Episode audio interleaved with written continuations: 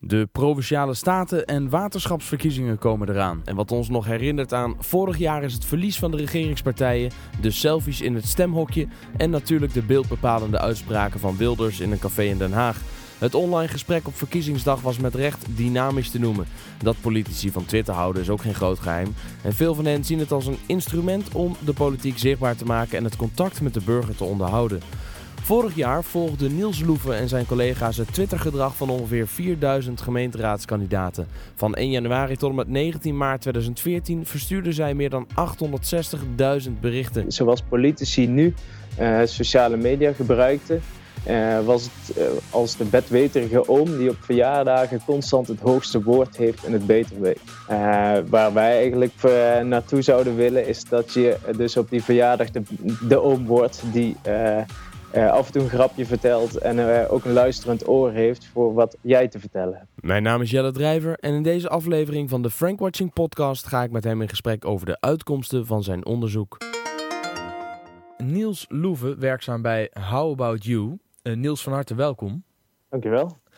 Niels, je hebt een artikel geschreven op frankwatching.com Gemeenteraadsverkiezingen, paringsdans van twitterende raadsleden. En nou dacht ik met de verkiezingen op 18 maart in het verschiet, is het misschien wel leuk om daar eens met jou over te sparren. Wat heb je precies onderzocht? Uh, we hebben vorig jaar in de aanloop naar de gemeenteraadsverkiezingen hebben we van ongeveer 4000 uh, kandidaten, raadsleden. Dat zijn mensen die via Twitter in hun Twitter-bio hebben gezegd van ik ben kandidaat voor de gemeenteraadslid, uh, voor de gemeenteraad of ik zit al in de gemeenteraad. Die hebben we met z'n allen op een uh, lijst geplaatst en we zijn gaan kijken wat het gedrag is geweest ongeveer drie maanden voorafgaand aan de gemeenteraadsverkiezingen. Ja, dus in nou, campagnetijd. Ja, nou lees ik in jouw artikel dat dat in, in, van 1 januari tot en met 19 maart vorig jaar, dus 2014, toen zijn er 860.000 berichten gedeeld. En is dat alleen op Twitter? Dat is, dit zijn alleen Twitter-resultaten, ja. Zo, en daar heb je een aantal vragen gesteld. Uh, of daarbij hebben jullie een aantal vragen gesteld. Welke vragen ja. zijn dat geweest? Nou, we zijn gaan kijken naar uh, wat de momenten waren dat kandidaten uh, aangrijpen om een Twitterbericht te sturen. Of wat zijn de verhoudingen van de thema's in de verschillende partijen. We hebben dus die groep van 4000 raadsleden hebben we ook nog onderverdeeld per partij. Zodat we, ja, wij noemden ze themaprofielen. Uh, per partij kunnen maken, waardoor we in kaart kunnen brengen over welke thema's praten zij nou. En zijn dat ook daadwerkelijk de thema's waar partijen zich mee willen identificeren?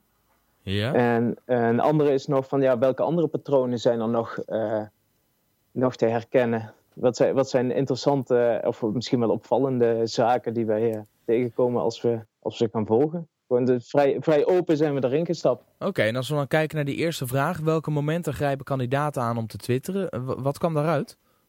Ja, een van de interessante dingen was wel dat op de dinsdagavond... dat dat een uh, avond was wat... Uh, of een moment was waar veel berichten uh, verstuurd worden. En niet toevallig is dat ook de avond van de raadsvergadering. Ah, oké. Okay. En merk je ook dat bijvoorbeeld in de aanloop naar de raadsvergadering... dat ze dan juist wat terughoudender zijn om te voorkomen dat ze al praten over zaken... die nog in de raadsvergadering besproken moeten worden? Uh, nou, we merkten wel dat het zaken waren die zij uh, waarschijnlijk in de uh, raadsvergadering daarna op de agenda wilden zetten.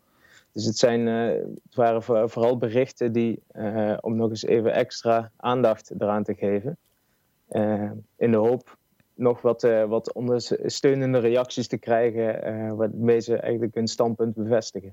Je hebt ze maar wel zaken die al besproken waren in de raad.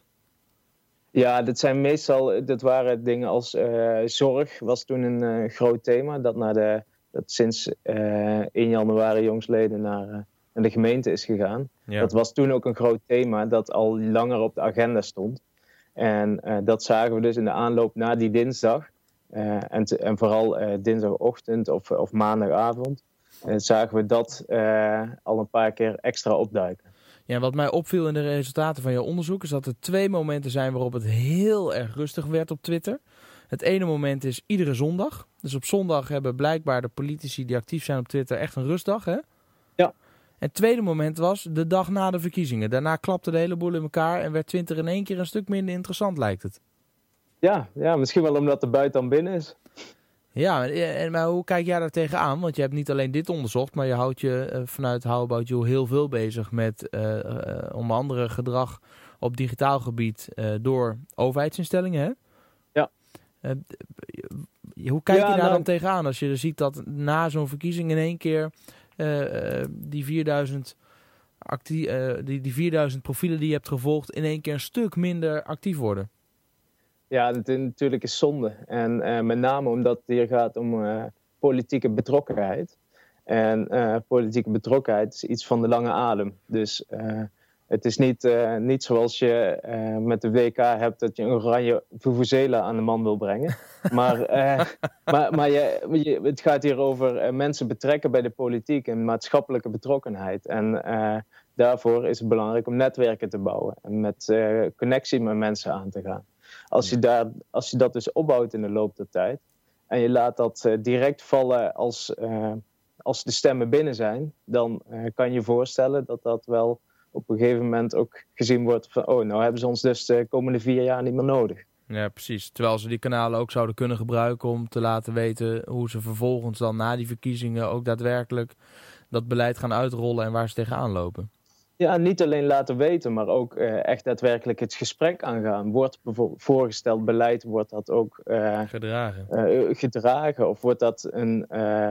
Ja, wat zijn daar de kritiekpunten op? Zijn er misschien zaken die in, in het beleid wel gedekt zijn, maar op de lange termijn zijn er misschien praktische bezwaren die, waar beleidsmakers nog niet aan gedacht hebben. Ja, maar je noemt al kritiekpunten. Is dat een angst die leeft bij uh, gemeenteraadskandidaten of inmiddels gekozen... Uh, dat ze ook kritiek zullen krijgen via de social media... als ze ook na de verkiezingen daar actief op blijven?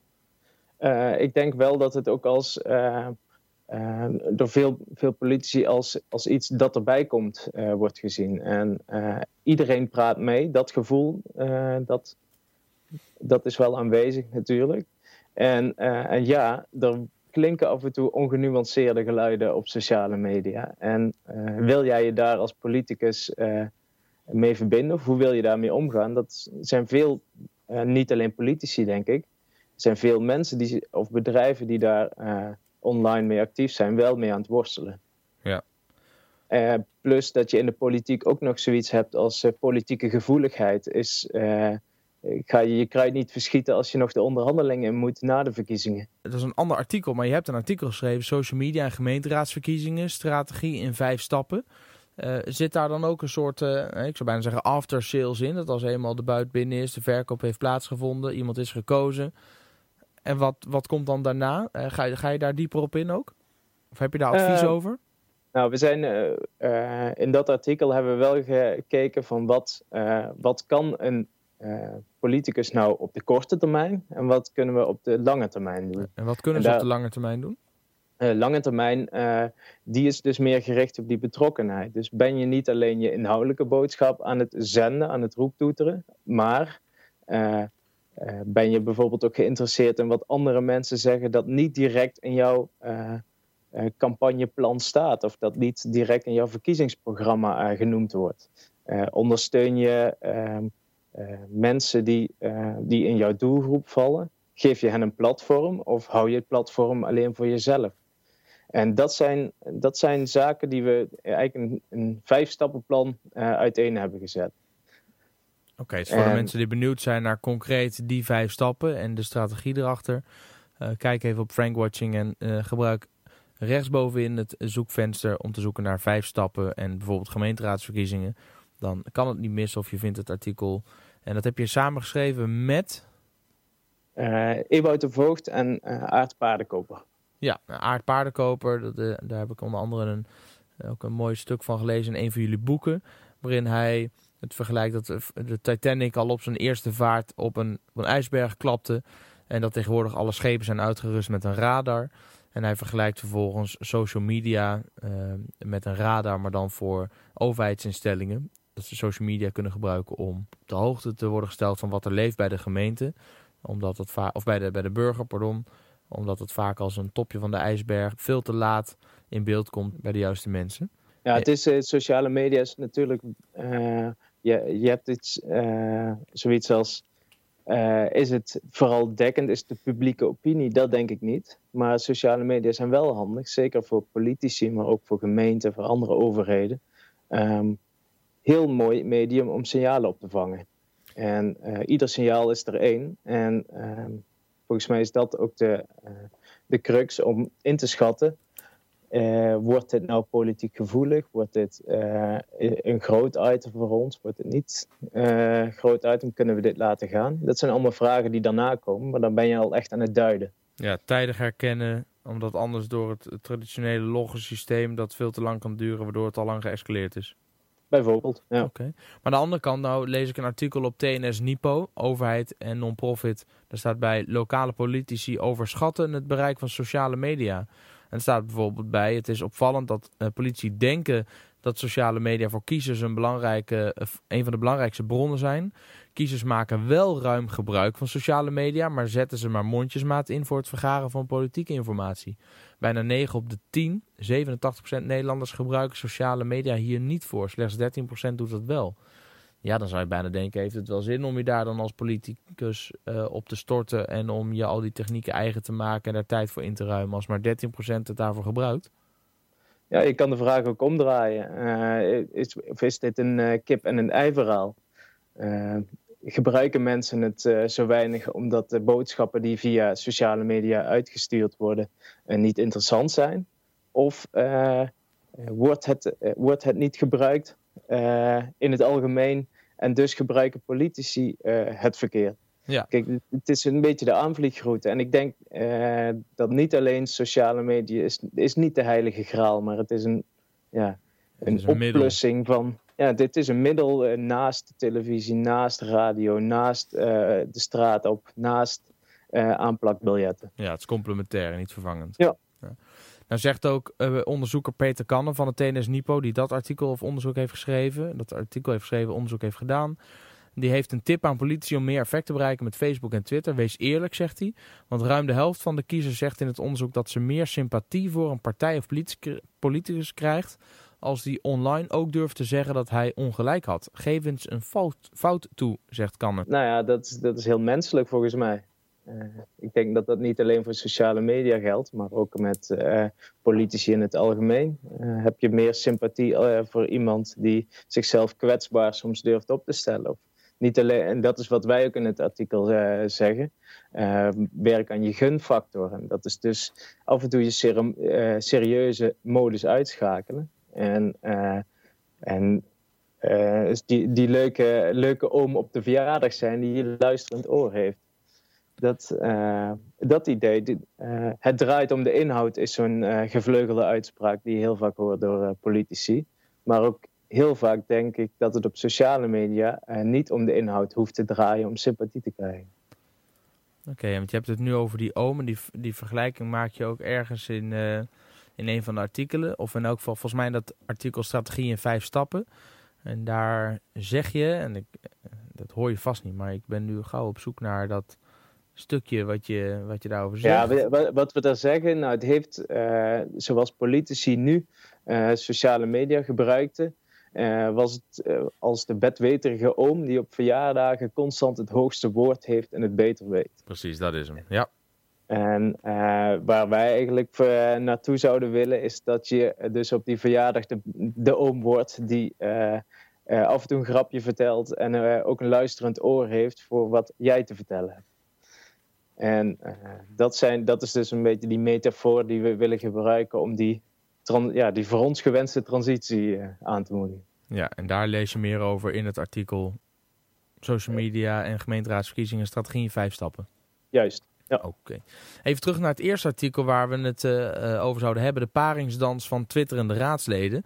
Hè, welke momenten grijpen kandidaten aan om te twitteren? Nou, je zei vooral de dinsdag na de raadsvergadering.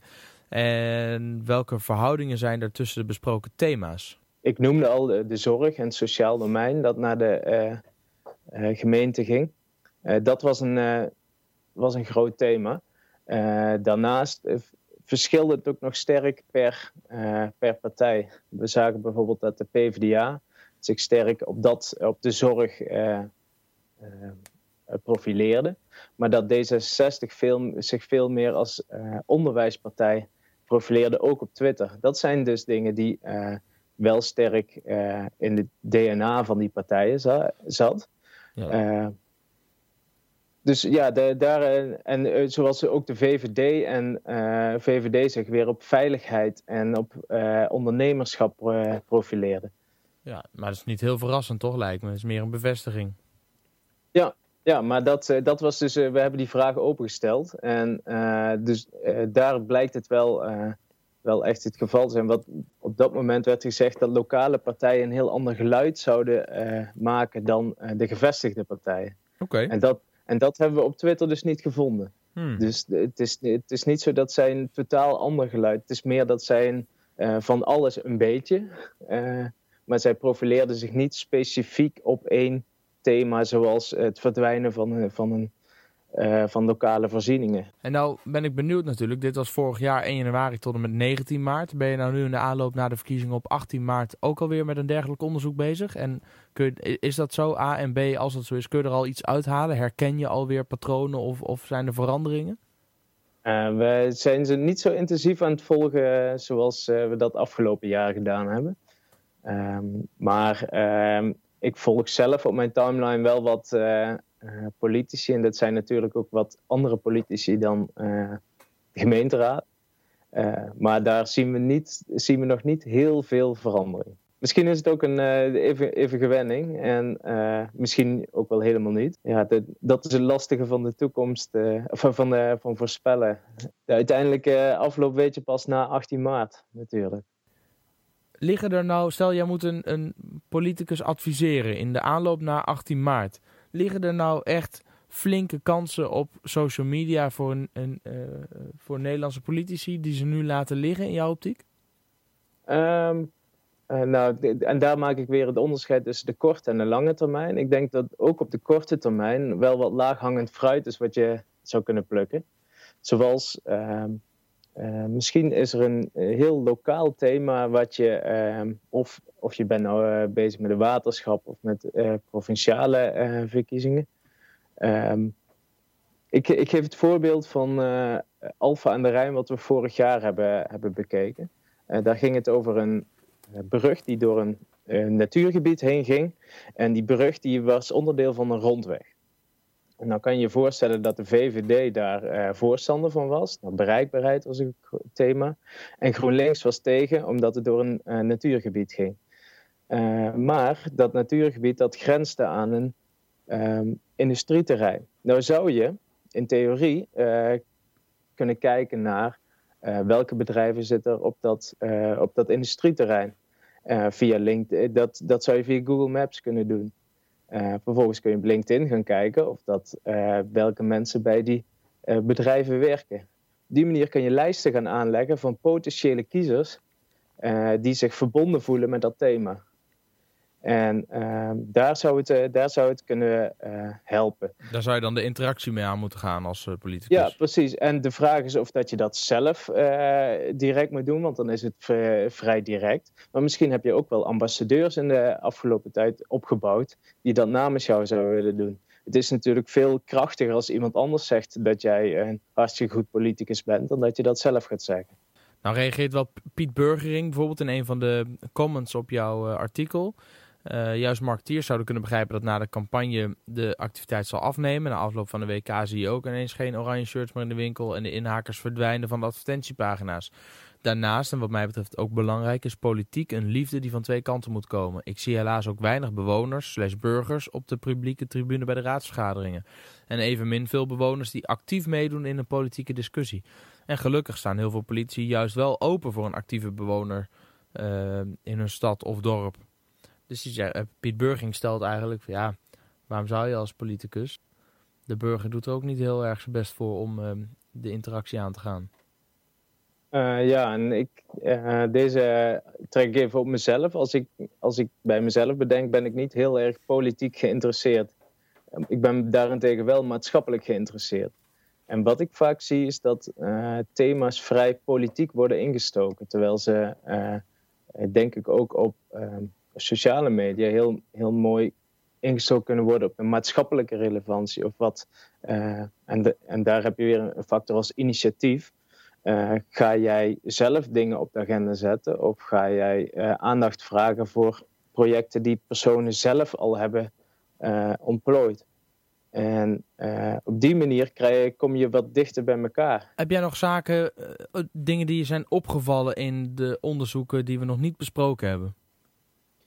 Uh, nou, het, het meest in het oog springende is natuurlijk wel dat, dat we gekeken hebben of dat die betrokkenheid natuurlijk ook wel groeit naarmate 19 maart. Dat waren de gemeenteraadsverkiezingen van vorig jaar of dat dat uiteindelijk wel weer groeit. En eh, helaas zien, zagen we daar dat ook op de langere termijn, dus na maart, uh, weer op hetzelfde niveau uh, kwam als voor 1 januari. Oké, okay, zonde. Ja, ja, ja, zonde. Ja, dus heel veel interactie gehad, heel veel nieuwe volgers wellicht, heel veel nieuwe contactmomenten of kansen gehad. En dan daarna klapt het weer in elkaar. Dat, is toch, dat blijft het meest opvallende wat jou betreft. Ja, en dat, dat is vooral de kans op contact die, uh, die dan uh, niet of, of nauwelijks wordt uh, gegrepen. En dat is, dat is gewoon zonde. Drie vragen die ik standaard stel in elke podcast. En één daarvan is, wat is je favoriete quote en waarom? Ik heb een quote al heel lang op mijn werkkamer hangen. En dat is van René Descartes. 17e eeuw uiteindelijk, toen er nog lang geen sociale media waren. Twijfel is het begin van wijsheid. En waarom vind je dat zo mooi? Um, omdat zeker als je het op sociale media hebt, heb je, zie ik vaak twee partijen. De ene partij die het heeft over de kracht van sociale media. En die zijn, dat zijn de echte voorstander, de ambassadeur. En aan de andere kant zie je ook een groep van mensen die er een beetje argwanend tegenover uh, zaten. En ik hou er wel van om uh, dat, soort, dat soort standpunten altijd daar de waarom-vraag tegenaan te houden. En vanzelfsprekendheden in twijfel te trekken. Want dan juist kom je tot de, tot de kern volgens mij. Wat is je favoriete managementboek of businessboek en waarom? Om even in het thema te blijven. de stichting Politieke Academie heeft paar maanden terug een boek uitgebracht van meer mensen naar de stembus. En uh, daarin um, wordt ook gekeken naar uh, bijvoorbeeld uh, dat je op, op wijkniveau zou kunnen zien uh, waar je potentiële kiezers zitten. En ik denk dan meteen verder vanuit sociale media dat je, dat je die groep via sociale media weer, weer kunt binden. Of ze community binding zou kunnen, een community binding zou kunnen doen. In Amerika zijn ze daar al wat verder mee. Hè? Obama boekte in de Verenigde Staten succes met zijn eh, virale strategie. Door slim gebruik te maken van open data wist zijn campagneteam op het niveau van de buurt, straat en zelfs huisnummer of burgers interesse hebben in de verkiezingsboodschap. Zover lijkt het in Nederland nog niet. De open data die Obama gebruikte zitten hier grotendeels achter slot en grendel. Dat is uit de eerste alinea van social media en gemeenteraadsverkiezingen strategie in vijf stappen. Hoe lang denk je dat het gaat duren voordat ook in Nederland politieke partijen echt op straat en dus huisnummerniveau weten of mensen openstaan uh, voor de verkiezingsboodschap? Ik denk uh, dat, uh, dat ze dat weten, dat dat niet zo lang duurt, maar dat het nog wel eventjes duurt om daarop in te spelen. Om daarop durven te in, in te spelen. het is natuurlijk wel een vrij grote stap als als politieke partijen heel gericht uh, naar je toe komen van uh, jij zit in ons, uh, jij bent een potentiële kiezer voor ons. Natuurlijk iets subtieler dan dat, maar, ja. ik, ik, denk, ik denk dat, er, dat veel politieke partijen al wel weten ongeveer in welke wijken ze moeten zijn en in welke op, op straatniveau het zelfs ook al kunnen, kunnen benoemen. Ja, maar ook online. Het verbaast mij dat ik bijvoorbeeld, ik heb op Twitter, maar ook op LinkedIn, maar ook op Facebook, heb ik volgens mij overal wel in mijn profiel staan dat ik ondernemer ben. En dan, uh, het verbaast me dat ik niet nu al gerichte advertenties van bijvoorbeeld de VVD voorbij zie komen over hun speerpunten. Hoe makkelijk is het om, om, om online te targeten op interessegebied of op uh, bepaalde termen? En toch wordt daar nog weinig, redelijk weinig gebruik van gemaakt. Terwijl die data gewoon openbaar is. En zeker niet achter slot en grendel zit. Nee, ja, en dat is, dat is dus uh, denk ik ook wel, wel een kans die voor veel politici nog wel liggen, ook in de toekomst. Uh, en ik zou daar als, ik, als politie ook nu alvast mee beginnen. Want als er dan nieuwe verkiezingen komen, dan, uh, dan heb je in ieder geval een aantal jaren je netwerk kunnen opbouwen. Ja. En als dan de verkiezingen er zijn, dan kun je daar de vruchten van plukken. Niels Loeven, online media-analyst en advisor bij How About You. Niels, enorm bedankt dat je tijd wilde vrijmaken voor dit gesprek. Graag gedaan. Top. Als mensen nou met jou in contact willen komen aan de hand van je artikel of naar aanleiding van dit gesprek, wat is dan de beste manier om dat te doen? Uh, nou, als het vragen zijn waar andere mensen ook wat aan hebben, zou ik het via mijn Twitter doen. En dat is Niels Loeven met dubbel F. En anders uh, specifieke vragen kun je, kun je me altijd mailen op uh, niels.howaboutYou.nl Top. Niels, nogmaals enorm bedankt. En we spreken elkaar in de toekomst vast nog een keer over toekomstige onderzoeken. Ja, lijkt me leuk. Aan al het goede komt een eind, zo ook aan deze aflevering van de Frank Watching podcast. Smaakt het naar meer? Dat kan. Ga dan naar frankwatching.com slash podcast of zoek het woord Frank Watching op iTunes, Stitcher Radio of TuneIn. Dat kan naast niet missen, maar kom je er toch niet uit, heb je vragen, opmerkingen of suggesties? Laat het ons dan weten via Twitter op @jelle of @frankwatching. Ben je enthousiast geworden? Schrijf dan een leuke review op iTunes of Stitcher Radio en maak kans op het boek Brand Expedition van Martijn Arets. We verloten maar liefst 10 gesigneerde exemplaren onder de eerste 100 reviews. Volgende week dinsdag staat er weer een nieuwe aflevering voor je klaar. Abonneer je gratis en ontvang hem automatisch op je smartphone, tablet of desktop. Meer informatie vind je op frankwatching.com slash podcast en meer informatie over mij op jelledrijver.nl. Dat was hem voor nu. Dankjewel voor het luisteren en tot de volgende podcast.